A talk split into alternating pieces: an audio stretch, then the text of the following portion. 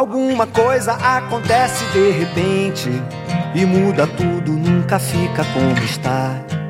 Qual a receita pro melhor ingrediente? Quando o vazio já transborda sem parar. A cada noite vou ficando transparente e minha sombra não consegue me encontrar. Como é que tudo acaba assim tão de repente? Não vejo mais o horizonte a se dobrar.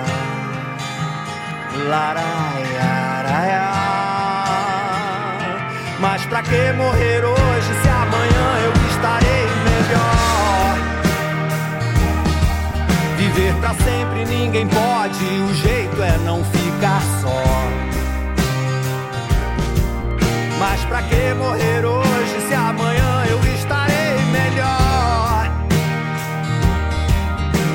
pra sempre ninguém pode, o jeito é não ficar só. O jeito é não ficar só. O jeito é não ficar só. O jeito é não ficar só.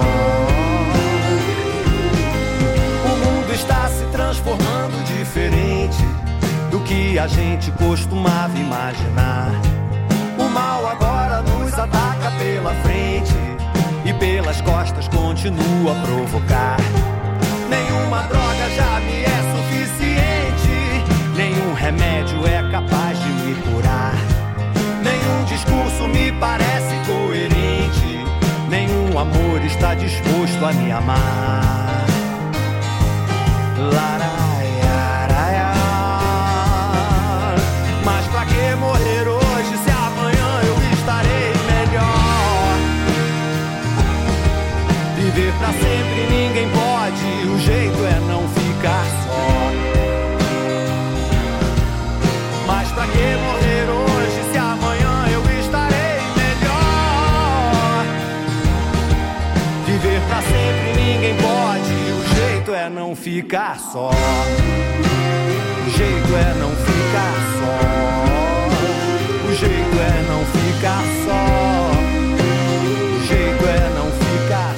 Es el cantante brasileño Paulinho Mosca con su disco Beleza e Medo, Belleza y Miedo. Y nos vamos a Brasil. Vamos a conocer las últimas grabaciones del Spirit of. El Spirit of un velero al que le seguimos desde hace ya bastante tiempo porque nos suele visitar su capitán, el capitán del Spirit of Anuk, que es Josu Guerra Tolosa. Él es capitán de pesca, patrón de yate, con una larga tradición familiar en Pasaya como navegante. El Spirit of Anuk, que cruzó el Océano Atlántico por quinta vez y se instaló en Brasil. Y nos va a comentar Josu Guerra pues, eh, las últimas esas navegaciones que ha hecho el Spirit of Anuk, que el último ha sido ir desde Bahía hasta Río de Janeiro y de Río de Janeiro han terminado en la costa de Uruguay. Josu, Gabón. Bai, Gabon Roge, la de. Bueno, y también tenemos con nosotros, con nosotros a Joseba Pérez de Arriba, que él es a la vez residente en Zumaya, que ha acompañado a Josu y al Spirit of Anuk, a este velero, en esta travesía en, los- en las últimas millas marinas por Brasil. Le damos la bienvenida a Joseba Pérez de Arriba, Joseba Gabón. Gabón Roge. Pues vamos a conocer un poquito cómo va el Spirit of Anuk por Brasil. Mm, Primero, igual recordamos, ¿no? Que cruzaste el Océano Atlántico desde Canarias y llegaste a dónde? De Canarias fuimos a Cabo Verde, Sal y Sao Vicente, y luego cruzamos por los doldrums hasta Noroña, y de Noroña ya recalamos en la costa brasileña. los doldrums, que es una zona en la línea del Ecuador en donde se produce un choque de vientos que al final termina en una gran encalmada. Y Una llevas buscándolos casi, ¿no? Sí, la zona sí, la zona sí, por las luces, por todo, una pasada. Sí, porque hay unos tonos de colores bien distintos, ¿no? Y unos cielos únicos. Sí, y luego el silencio que se produce también al no haber viento, animales, pero yo creo que sobre todo la luz y los chubascos, que también son cuando ves las nubes como vienen, las torres de lluvia que se te acercan y todo eso es... eh, y luego el silencio otra vez, es eh, alucinante. Yo soy, ¿te gustan estas encalmadas, los doldrums? Porque seguramente que todos los navegantes huyen de las encalmadas. Sí, es cierto, es cierto. Lo peor que hay en la mar, bu- bueno, lo peor que me ha pasado a mí, vamos a decir, es la calma. El temporal, el mucho viento tiene su, su aliciente en que el barco va. Y como decía un italiano, la nave va y todo el mundo contento. Cuando la nave va, todo el mundo contento. Y claro, la calma no. La calma es no saber cuándo vas a salir del medio del Atlántico porque no tienes medio de propulsión, que es el viento. Entonces, en ese sentido, no es lo que se busca por, para estar allí largo tiempo, pero eh, la sensación de estar allí es, eh, claro, es única, porque es un sitio único en el Atlántico que yo conozca, es eh, los Doldrums, con estas sensaciones, vamos. Sí, y eso me llamó la atención, pues que tenías intención de llegar hacia los Doldrums y sí que, por supuesto, bueno, no, los alisos ya te van llevando, pero bueno, que tú también los disfrutaste. Y lo que estás disfrutando es mucho por Brasil, por la costa brasileña. ¿Es una costa fácil de navegar? ¿Es disfrutable? Yo diría que sí, yo diría que sí, que no es difícil, no es difícil. Eh, es una costa, claro, como todo desconocido, pues eh, nosotros lo que tenemos la facilidad de que ahora tenemos acceso a buenas cartas, sistemas de navegación muy fiables. Entonces te, te facilita mucho la tarea. Tienes partes meteorológicos, ¿no? es eh, fundamental hoy en día conocer el tiempo que va a hacer y puedes saberlo hasta, eh, yo creo que tres días mínimo hoy te dan de fiabilidad. Entonces eso te facilita mucho las cosas. ¿Cómo es la costa brasileña? Porque sí que hay sitios que llaman muchísimo la atención. Verlos desde el mar tiene que ser algo que no te lo puedes ni creer. Mm, bueno, más que lo que es la costa desde la mar, que desde lejos es como no siendo río, cuidado que río cuando vas entrando y ves esos como el pado de azúcar y estas cosas te llama mucho la atención, las formaciones estas, ¿no? Me estaba imaginando, ¿no? Cómo es llegar a, Río de Janeiro mm. desde el mar. Sí, además de justo cuando estábamos entrando en Río teníamos una guía muy importante para nosotros es llevar siempre una guía de navegación moderna, editada precisamente para ayuda a la gente que navega y la gente que navega en veleros en veleros, vamos, quiero decir, en, embarcaciones que no sean cargueros, que no sean de este estilo, ¿no? O que no sean ferries, que tienen otro tipo de, guías. Y en esta guía ponía, seguramente estás viendo lo mismo que vio el primer portugués que llegó a, a, estas costas. Desde lejos sí puede ser, hombre, cuando entras no, pero desde lejos es la misma costa de, claro, de hace 500 años. Joseba, ¿cómo ha sido para ti acercarte a, a Río de Janeiro en barco, en el espíritu Fanuk?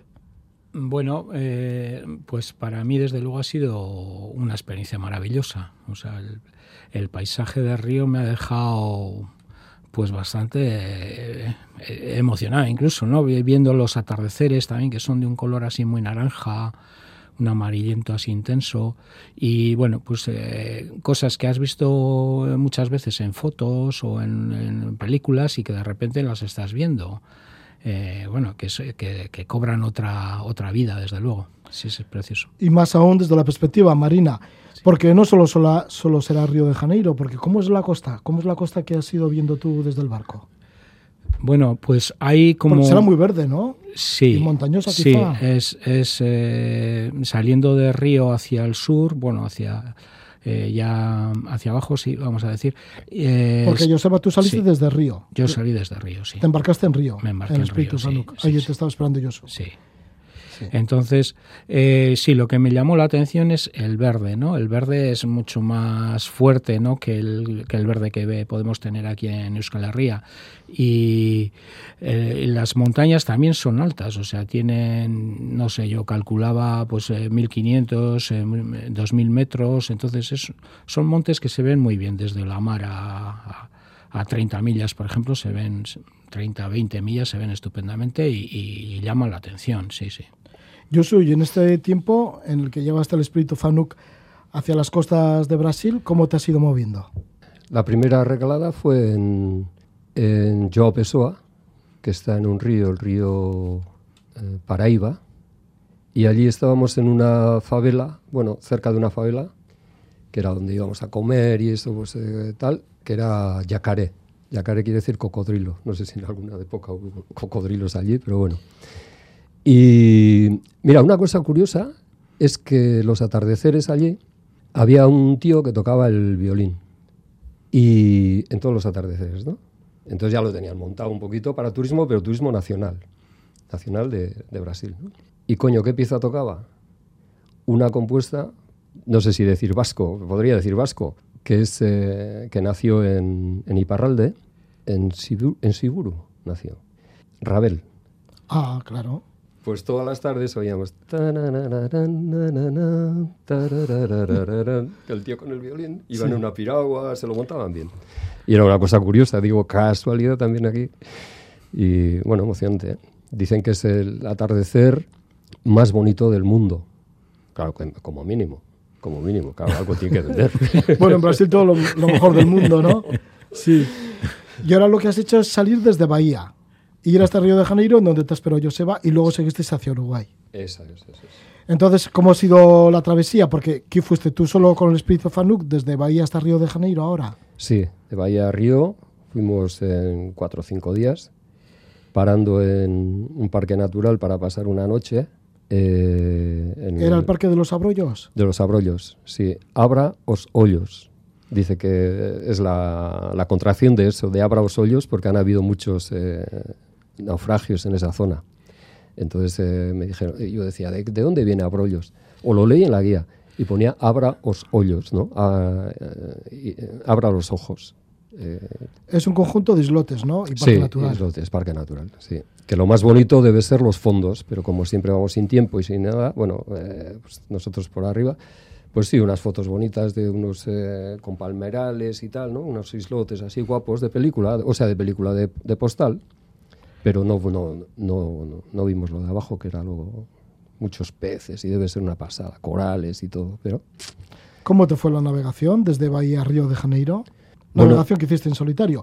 sí, Bueno, solitario es un decir, porque siempre vamos dos. vais dos, ¿no? El Mínimo. Para ti es como, como si fuera casi otra persona. Sí, sí, sí, sí, sin ninguna duda, sin ninguna duda. No es una persona, somos conscientes de que no es una persona.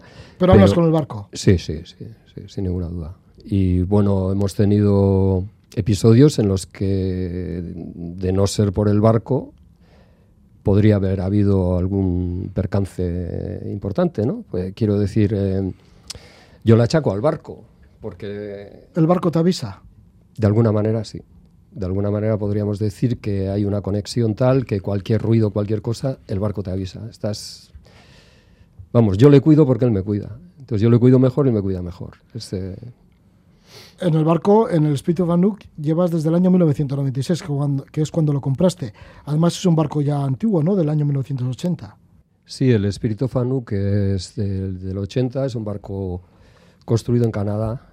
Nosotros lo encontramos, o él nos encontró a nosotros en, en el Mediterráneo, en la Costa Azul, o cerca de la Costa Azul, en un puerto allí francés. Y desde el 96 eh, vamos eh, juntos, por, eh, haciendo millas, vamos. ¿Cuáles son los episodios en el que el barco, el Spirit of Anuk, te ha avisado de lo que iba a suceder o que estabas en un momento así delicado y te ha ayudado a que no suceda nada?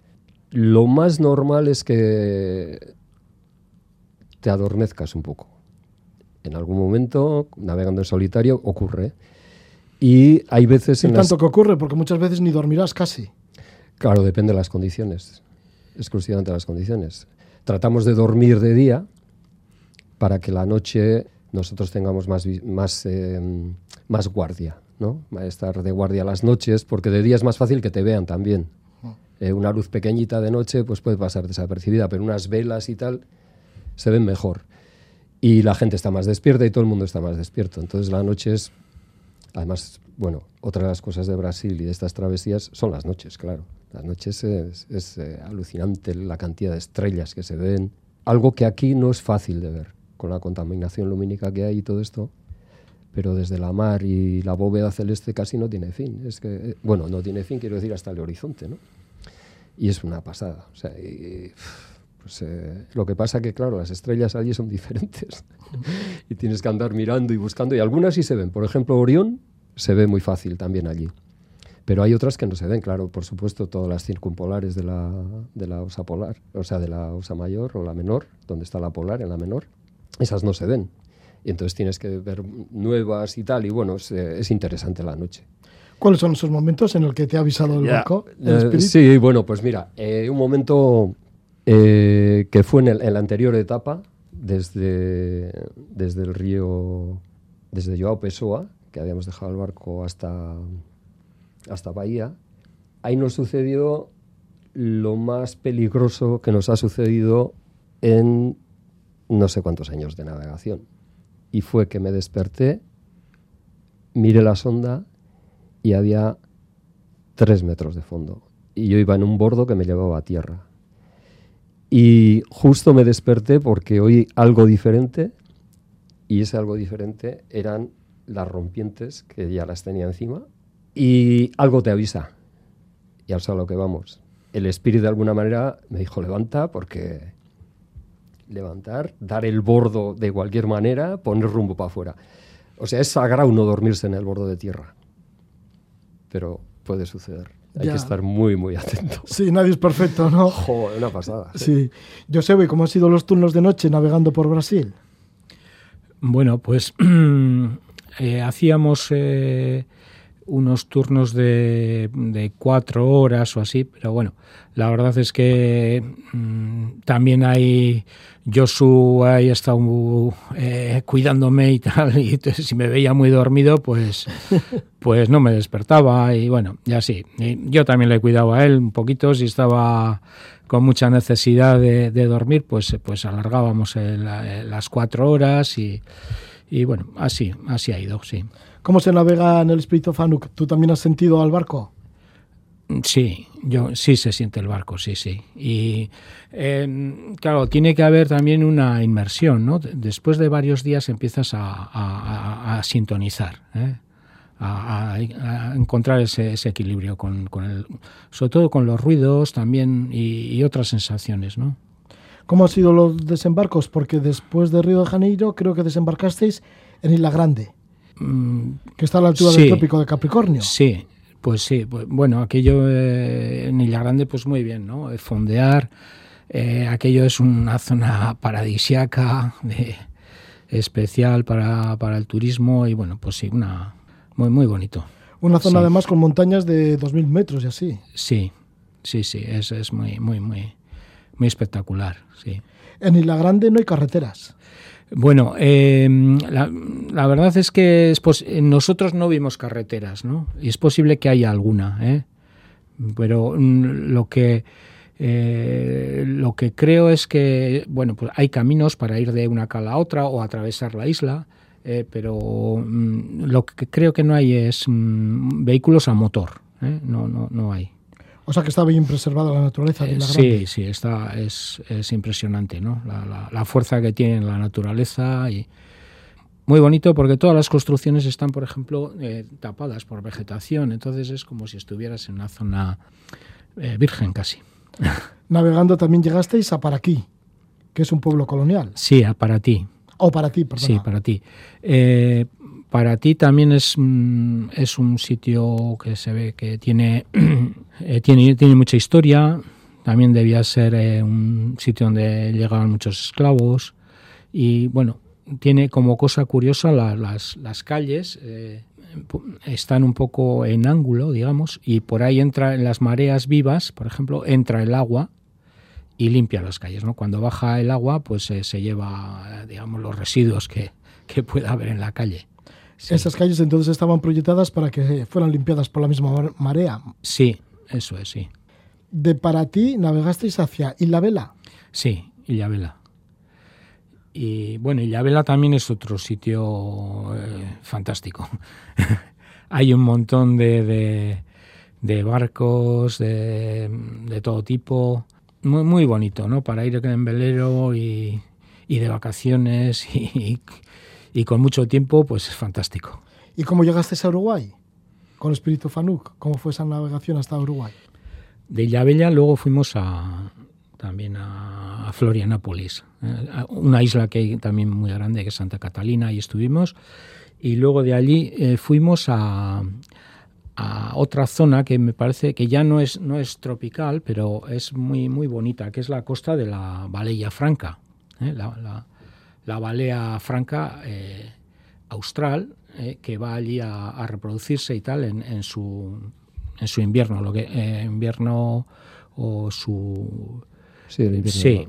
Mm, ahora era verano. sí, que corresponde, no viste- corresponde no viste a, no, no, corresponde a, a nuestro, pues por ejemplo sería diciembre, eh, eh, no, a ver si no lo sé. Nuestro verano, nuestro verano, sí. El verano de, aquí es- Eh, es bien, entonces esa zona de la, de la costa de la Balea Franca, pues me pareció estupendísima. O sea, hay, hay por ejemplo, hay, hay dunas eh, muy grandes que se ven desde la mar, eh, una zona de dunas. luego estuvimos en Invituba, que, que también es otro sitio que no aparece en las guías ni nada, pero que es, es muy recomendable. ¿no? Y en la, por ejemplo, vimos en la playa eh, haciendo pesca artesanal desde, desde la misma playa, ¿eh? pero igual sacaban mil o dos mil kilos de pescado, ¿eh? no, entre un montón de gente, los que estaban por ahí en la playa ayudaban y bueno, una cosa muy muy bonita. Y las playas y bueno, para hacer surf y todo eso son, son, son maravillosas. Una vez en la costa de Uruguay, ¿cómo es la costa de Uruguay? La costa de, Uru- de Uruguay, eh, bueno, el agua ya es un. el- había habido muchas tormentas y tal, entonces, mm, claro, se corresponde más con lo que sale del río, ¿no? De- del, Del Río de la del Río Plata. Plata. Entonces, la- el agua es un poco turbia. ¿eh? Eso es un poco lo que. eh, no, no es una, un agua de mar limpia, pero bueno, lo demás. eh, Uruguay, pues claro, es una costa más, más planita, eh, con menos, eh, menos accidentes, así. Pues llama la atención, por ejemplo, la, la costa de. eh, perdón, la punta del este. Está muy de noche muy iluminado y se ve muy bien y luego pues eso todas las todos los rascacielos que hay allí etcétera ¿eh? Punta del Este, que es uno Sí. de los lugares más turísticos de toda Sudamérica. Sí, Digo, en la costa atlántica. sí, Sí, porque ahí acuden cantidad de argentinos, brasileños y gente de todo el mundo. sí, así es. ¿En dónde dejasteis el barco finalmente, el Espíritu Fanuk? Más metido en el Río de la Plata, ya a pocas millas de Argentina. ¿Cuál es la idea? ¿De volver el año que viene, la temporada que viene? Sí, por supuesto, al amigo hay que cuidarle. Entonces, hay, ahora lo que venimos es a, básicamente a hacer una, una recolección de, de euros, ¿no? Trabajando para llenar la caja y, y luego estar allí. La, la idea ahora básica, yo creo que en principio es eh, navegar eh, el Río de la Plata, ir a Argentina, movernos poco, porque hay muchos detalles que hay que tocar en el Spirit y yendo como hemos ido ahora un poco deprisa, deprisa en un sentido, es eh, porque el barco no puede estar más de dos años en Brasil. Entonces tocaba ya salir o tienes una multa. Entonces tocaba salir. Y, y hay- y hay muchas cosas que hemos dejado para, para luego, tal, cosas no importantes para navegar, pero bueno, que merecen que, que las eh, pongamos al día y tal. Y a eso creo que nos vamos a dedicar el siguiente invierno. Al siguiente invierno os espera ya el Espíritu Fanuk y seguirás navegando, me imagino que de Uruguay por la costa argentina. ¿Algún día llegarás a la Patagonia? No está en el programa y desde luego este invierno no. Para ir a la Patagonia hacen falta tres cosas. Una, obvia decirla, la segunda es tiempo y la tercera es que la caja esté bien llena. Entonces, eh, de esas tres, mínimo una nos, nos- nos va a fallar seguro, que es el tiempo. Bueno, ahora estás para que la caja se llena, como, como dices, porque haces charter en las Baleares. Sí. Muchísimas gracias por estar con nosotros. Yo soy Guerra Tolosa, capitán de pesca, patrón de yate, navegante del Espíritu Fanuk. Nos has hablado de las últimas navegaciones del Espíritu Fanuk, que estás desde mm, que llegaste en enero de 2017 a la costa brasileña, estás por allí en las temporadas, ¿no? Diversas temporadas. Y ahora pues habéis ido navegando desde Bahía hasta, hasta Uruguay. Allí se ha quedado el barco. Así que bueno, que sigan las navegaciones. Muchas gracias por estar con nosotros, Josu. Vale, es que ricasco, Roge. También le agradecemos muchísimo a Joseba Pérez de Arriba por estar con nosotros, de Zumaya, que es también navegante del Spirit of Anuk, cuando puedes aprovechar y acercarte allí. Y también tienes tu propia chipironera, que es de madera, de 45 años, ya que form- eh, formas parte de la Asociación de Bataleros de Zumaya. Sí, de Beduola, el Cartea, sí. Y eso, que combinas ahí tu barco, tu pequeño barquito de madera, pues con algunas navegaciones cuando puedes navegar al Spirit of, of- of Anuk de Josu Guerra. Así que también te agradecemos que nos hayas contado la experiencia. Oye, gracias. eh, Roge, Sí. eh, eh, sin olvidar un agurchu muy fuerte para todas las personas que nos escuchan desde dentro. Desde la cárcel, ¿no? Que hay bastante Sí, gente quería que- decir eso. Sí, que este programa, Levando Ancla, lo escuchan Ya, bastante desde pues, la cárcel. es que me lo han dicho. por eso- Sí, sí, a mí también me lo han dicho. vale. Bueno, pues muchas gracias. Que vaya Va- bien, es que el casco. Vale. Suri. Vaya, agur.